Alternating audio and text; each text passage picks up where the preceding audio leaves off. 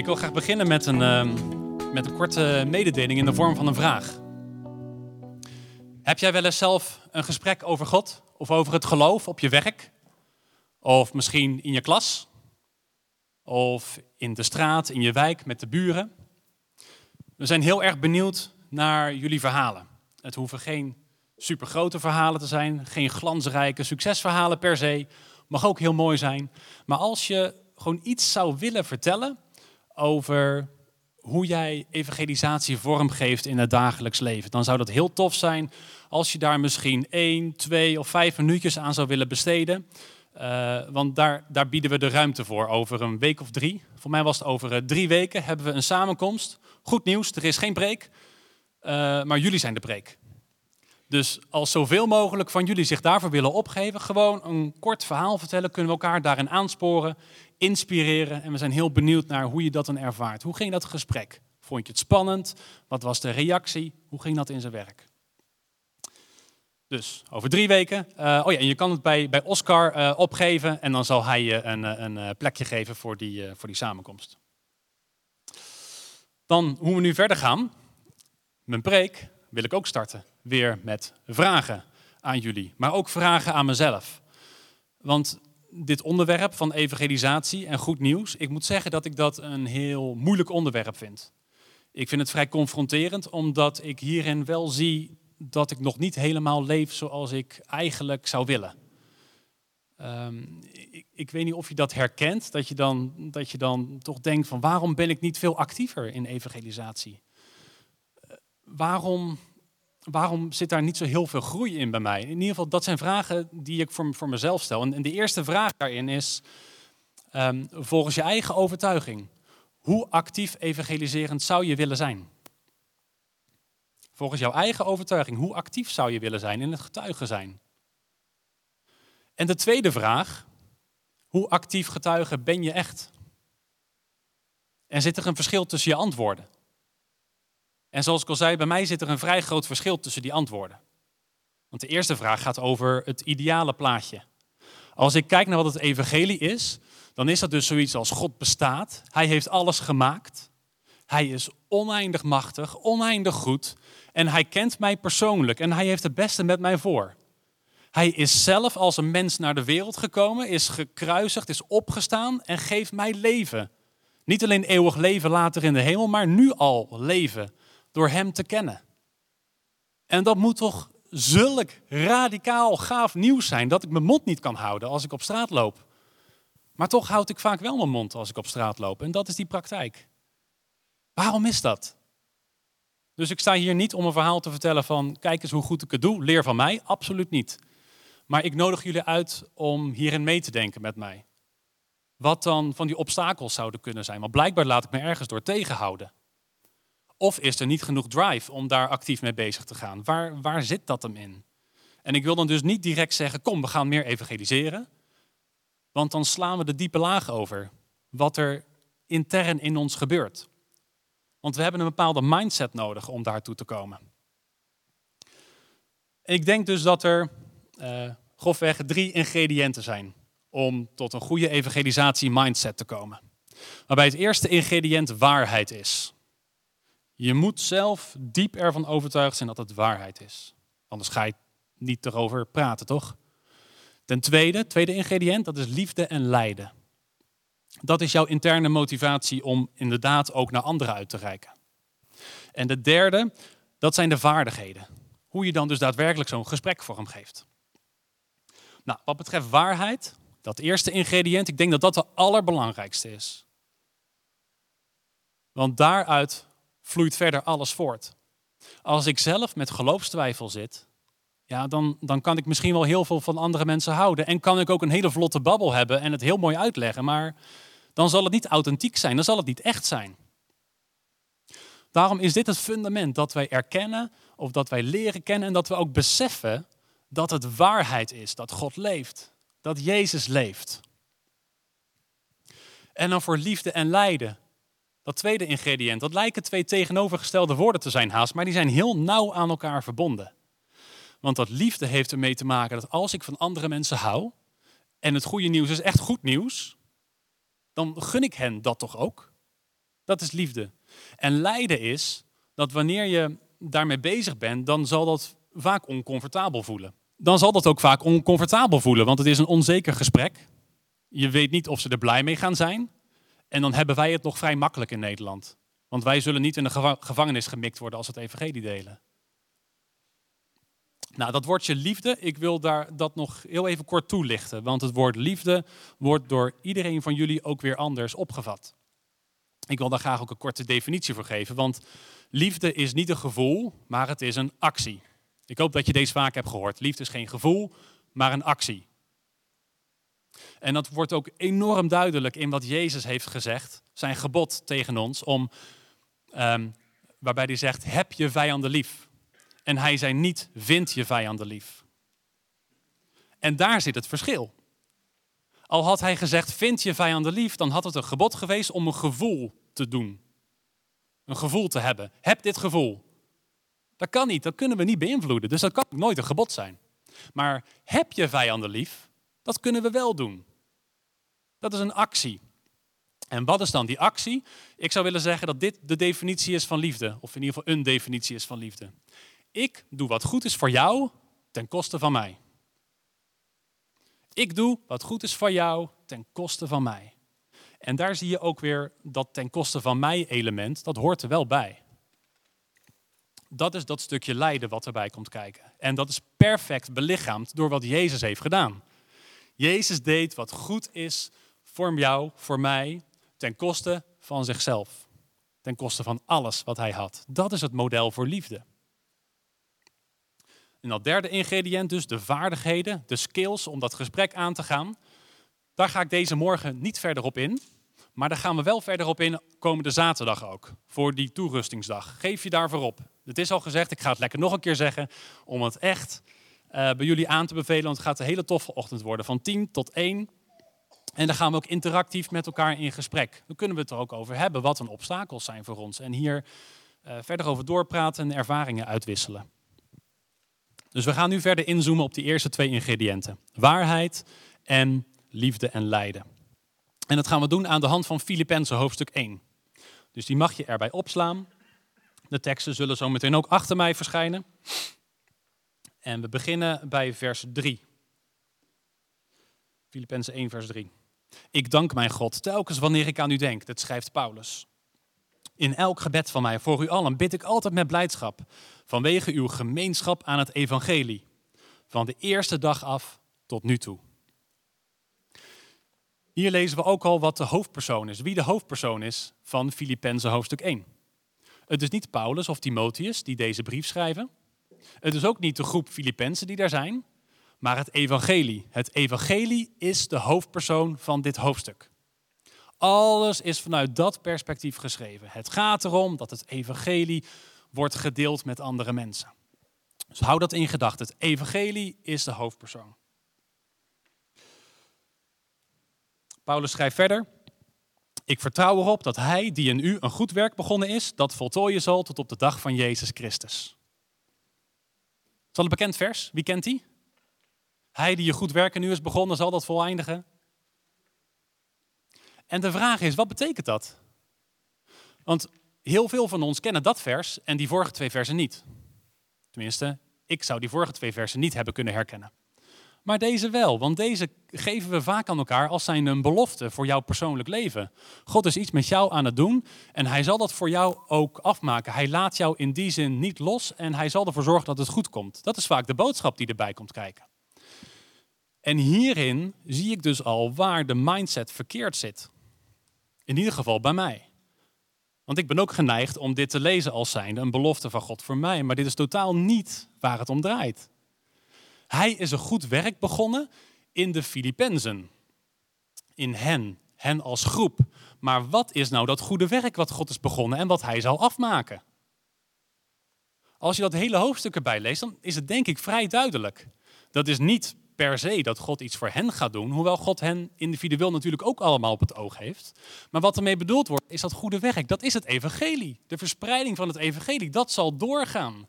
Dat is het goede werk wat God in die Filippenzen zal blijven doen. Ondanks dat Paulus nu in de gevangenis zit.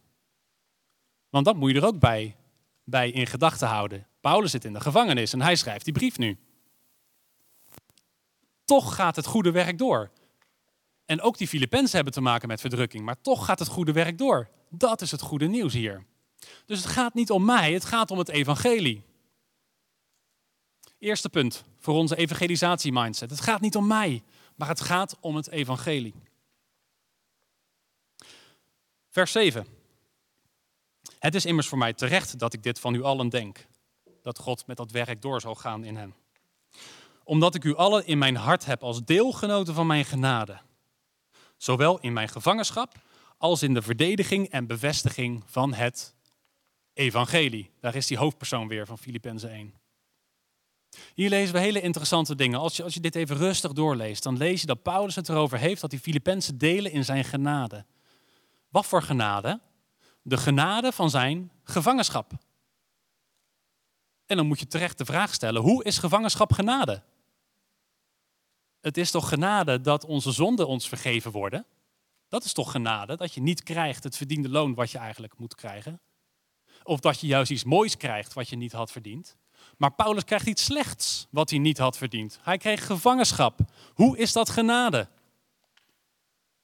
Dit is de mindset die ik totaal niet ken. Paulus die vindt het een eer om te mogen lijden voor Jezus Christus. Het is een thema in het Nieuwe Testament. Deze apostelen die zijn blij als ze mogen lijden voor Jezus. Ze vinden het een eer. Dat lezen we ook in Handelingen 5. Daar heb je de groep uh, discipelen. Die waren aan het evangeliseren. Werden in de gevangenis gemikt. En de engel van God die bevrijdt hen uit de gevangenis. Yes, op, ze gaan meteen weer evangeliseren. Komen er weer soldaten. Die hebben ze gearresteerd. Maar de godsdienstige leiders durfden ze niet nog een keer in de gevangenis op te sluiten. Dus wat deden ze? Ze waren ze aan het geeselen, gingen ze martelen en daarna werden ze weer de straat opgegooid. Wat was de reactie van deze discipelen? Waren ze teleurgesteld in God omdat hij hen dat heeft laten overkomen? Dachten ze van, oh, we gaan nu maar eventjes ergens anders heen. Of we doen maar wat meer ondergronds, want dit gaat toch wel behoorlijk escaleren zo. Absoluut niet. Ze zeiden, of er staat in Handelingen 5, vers 40 tot 42, staat er dat zij verblijd waren dat ze waardig geacht waren om omwille van zijn naam schandalig behandeld te worden. Wat? Ik word schandalig behandeld. Dank u wel, Heer, want het is voor u. Ja, en dat is die mindset die ik mis, waar ik in wil groeien. Dat is dat liefde en lijden. En ik denk dat het stuk lijden dus betekent dat je omstandigheden misschien heel zwaar worden, maar dat je er zelf niet heel zwaarmoedig onder wordt. Maar dat je juist zo'n, zo met Gods perspectief naar de wereld en naar mensen kan kijken, dat het je juist alleen maar vervult met echte diepe vreugde. Heel interessant dus hoe daar hier staat dat het een genade is om die gevangenschap te hebben. En daarna, dus het is niet alleen de genade van de gevangenschap, maar ook dat Paulus zelf is aangesteld tot verdediging en bevestiging van het evangelie. Wat is het verschil? Je hebt verdediging en bevestiging. De verdediging van het evangelie, daar is het woord apologia voor gebruikt. Sommige mensen van ons zullen het woord apologetiek kennen. Oscar heeft al zes fancy woorden genoemd, ik voeg er eentje aan toe. Apologetiek, dat is de geloofsverdediging. Dat je logische argumenten aandraagt waarom het heel aannemelijk is dat God bestaat. Dus dat gaat over het redeneren, dat is hersenwerk. En aan de andere kant, Paulus is ook aangesteld tot de bevestiging van het evangelie. En dat is een heel ander element om de waarheid van God te bewijzen naar de mensen om ons heen. We lezen dat ook helemaal op het einde van Marcus, waarin staat dat de leerlingen overal het evangelie gingen prediken. En God bevestigde hun woorden door bovennatuurlijke tekenen. Dus de, de, apostelen die gingen erop uit en die zeiden, hé hey jongens, Jezus leeft, hij is de zoon van God. En de mensen geloven het waarschijnlijk nog niet direct als ze dat zeggen. Dan komt er iemand naar hen toe, ze genezen die persoon door de kracht van de Heilige Geest en dan is dat een bewijsmiddel van hey, er gebeurt hier iets waar je niet onderuit kan. Het is God zelf aan het werk. Een van mijn schamele ervaringen in evangelisatie is dat ik ook ooit voor een eh, tienerjongen heb, heb gebeden op straat. Ze waren met, met, met z'n drieën en een van die drie die had last in zijn nek, schouders. En nou ja, met lood in mijn schoenen vroeg ik aan hem, mag ik voor jou bidden? Nou, dat vond hij oké. Hij deed nog een beetje lacherig naar zijn vrienden. En ik bidde voor hem. Het was vrij simpel, iets in de vorm van in Jezus' naam uh, wees genezen, pijn ga weg. Geen idee wat ik precies deed. En ik vroeg aan hem van, joh, uh, hoe voel je je nu? En hij zei, ja, pijn is weg. En ik, ik weet niet wie van ons er verbaasder was. maar de pijn was weg. En, en ik vroeg aan hem, hoe kan dat? Wat is er gebeurd? Ik zeg iets met Jezus of zo en dan is die pijn weg. Ja, ik heb geen idee. Ik zei, nou, ik weet het wel. Dat betekent dat Jezus leeft. Hoe kan dit anders gebeuren? En zo heb je onomstotelijk aan die kerel laten zien van, kijk, dit is geen onzin wat we hier praten. Het is waar. Nou, vervolgens kon ik verder met hem uh, praten erover, want hey, dit is wel interessant wat daar net is gebeurd. Dus dat is het bovennatuurlijke element. En ik ga nog heel even teruggrijpen op dat logische element. De redenaties, de argumenten, want ook dat is zo krachtig. Ook wel een beetje afhankelijk, denk ik, van met wat voor soort persoon je spreekt. Maar er zijn veel mensen die met geloofstwijfel zitten, ook in de kerk. Maar buiten de kerk zijn natuurlijk ook heel veel mensen die ook hun eigen redenen hebben om te denken dat God niet bestaat. Nou ben ik hier een tijd geleden uh, uh, flink diep ingedoken in die hele apologetiek, de geloofsverdediging. Dat vind ik bijzonder interessant. Mede ook omdat ik zelf dat eerste ingrediënt miste. De diepe overtuiging van waarheid. Ik geloof in God, maar toch knaagt er nog iets. Ik wil dat ik het besef en dat het. Ik wil gewoon zeker dat het echt waar is. Waarom zou ik anders all in gaan? En inmiddels heb ik acht goede, logische argumenten die atheïsten niet goed kunnen onderuit halen voor het bestaan van God. En dat gaat uh, de filosofie in, de natuurkunde, uh, de geschiedkunde gaat dat in. Allemaal verschillende soorten argumenten. Überhaupt het feit dat er iets bestaat in plaats van niets, dat kun je logisch terugvoeren op dat God zou moeten bestaan. Ik zal de details nu niet hier benoemen, kan misschien wel komende zaterdag als er interesse in is. En het feit dat het universum is ontstaan en dat het niet al eeuwig bestaat. Dat heeft de wetenschap ontdekt. Maar dat blijkt dus een enorm goed argument te zijn voordat er een God moet zijn die dat allemaal heeft gemaakt. Het is heel raar om aan te nemen dat er geen God bestaat als je er logisch over nadenkt. En ook nog een hele mooie. Is de Bijbel wel betrouwbaar? Want als de Bijbel niet betrouwbaar is, ja, dan kunnen we ook maar beter stoppen. Want bijna alles wat we doen is hierop gebaseerd. En wat blijkt nou? Vooral die uh, vooral die evangeliën, die zijn enorm belangrijk. Als die vier evangeliën maar betrouwbaar zijn, nou, dan, dan zijn we al een heel eind. En er zijn dus speciale historici, dat zijn een soort van Jezus-experts. Dat is gewoon hun baan. Ze onderzoeken alles wat er over Jezus te vinden is. Dat is wel grappig, want merendeel van hen is niet gelovig.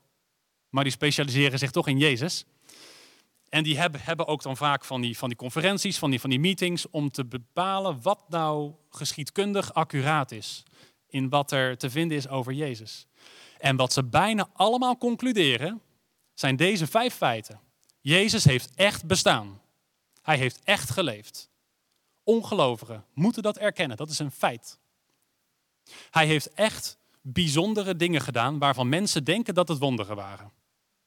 Daar zit een kleine clausule in, want ze willen natuurlijk niet zelf echt zeggen dat het wonderen zijn, maar het werd opgevat als wonderen.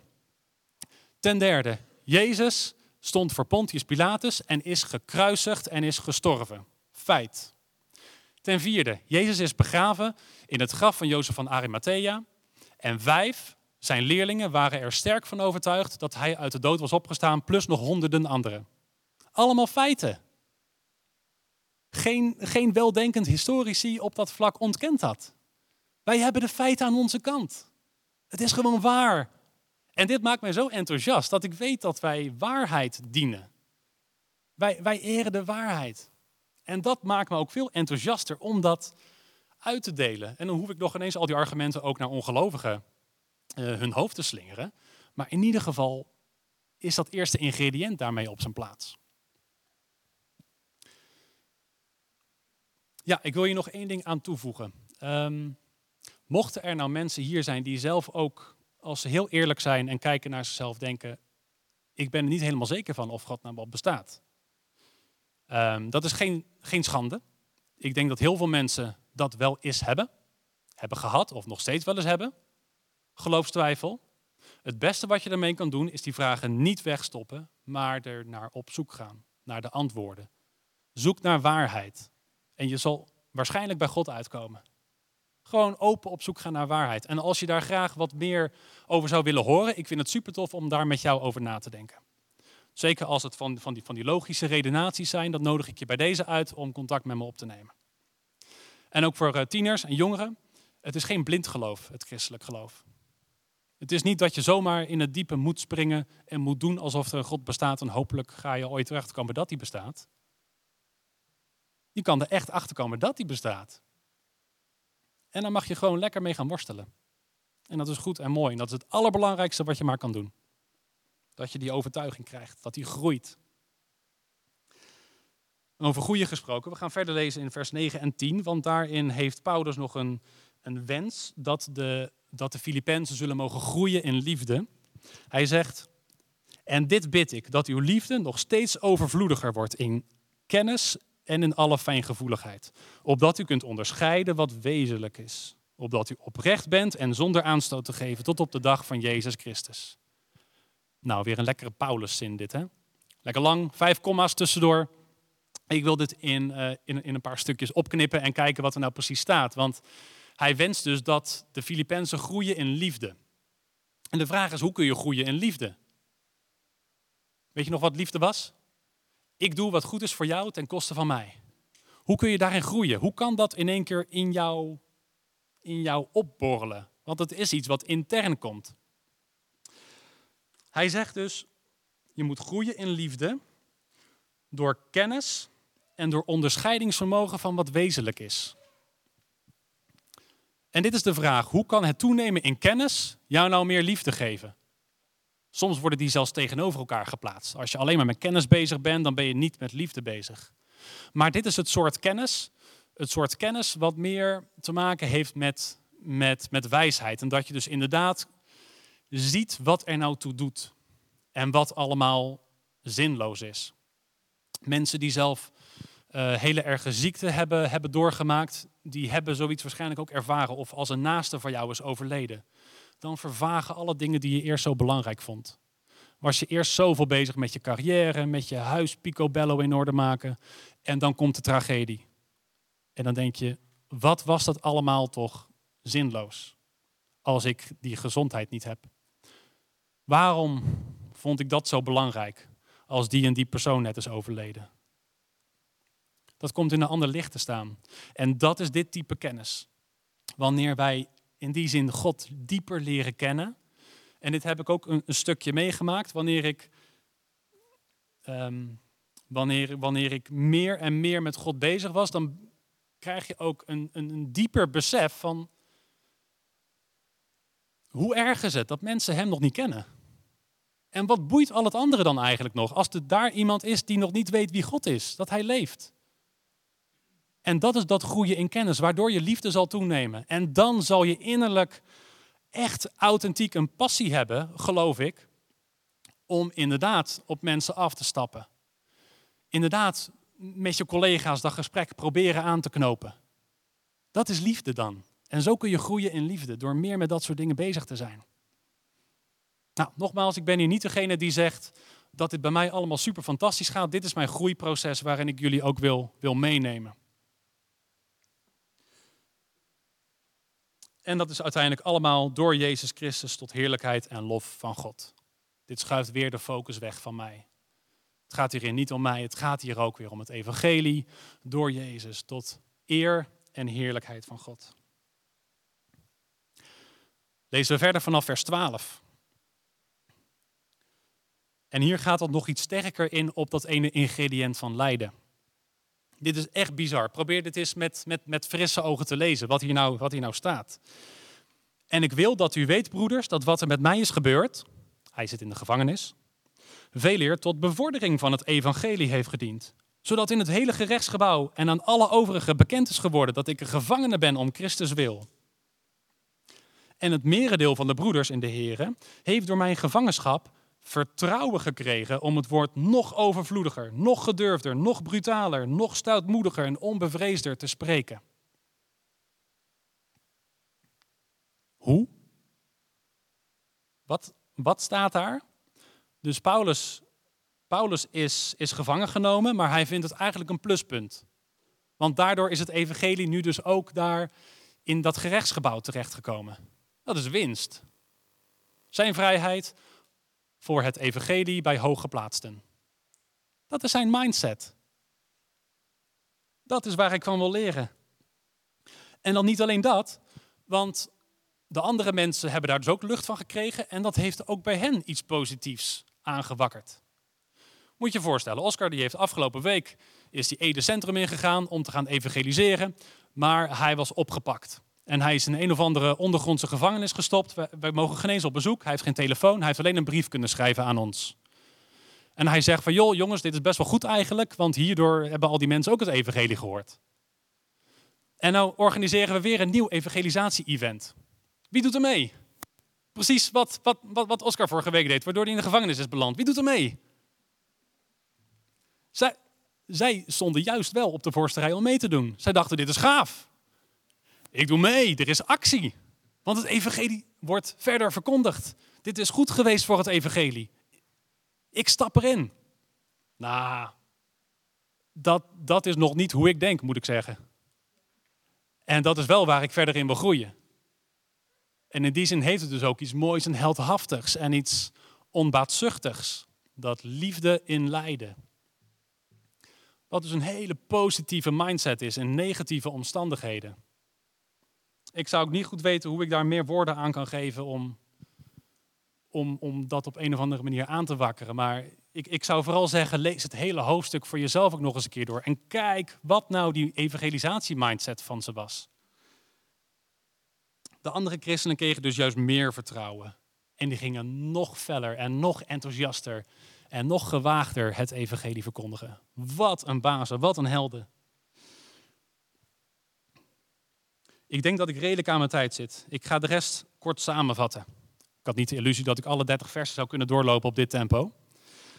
Maar hierna gaat het nog over verschillende soorten motivaties. En Paulus die vindt het zo belangrijk dat het evangelie wordt verkondigd, dat hij het zelfs oké vindt dat sommigen het vanuit egocentrische beweegredenen doen. Misschien om zelf punten te scoren of om in aanzien te komen binnen de kerk.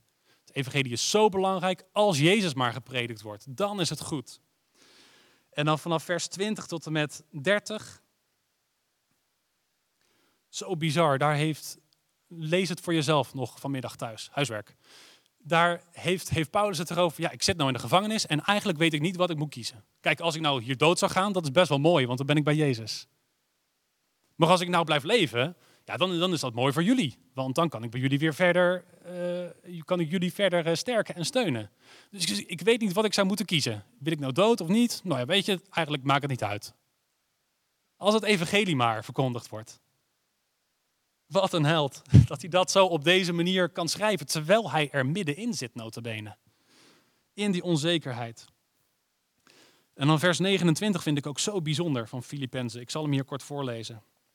Want aan u allen is het uit genade gegeven in de zaak van Christus, niet alleen in hem te geloven, maar ook voor hem te lijden. Niet alleen in hem te geloven, maar ook voor hem te lijden. Daar willen wij in groeien. Nou, we hebben het eerder al gehoord, het evangelie in 1, 3 en 30 woorden. Misschien is het evangelie in 9 woorden, wel wat er staat in Galaten 2, vers 20. Ik leef niet meer, maar Christus leeft in mij. Amen.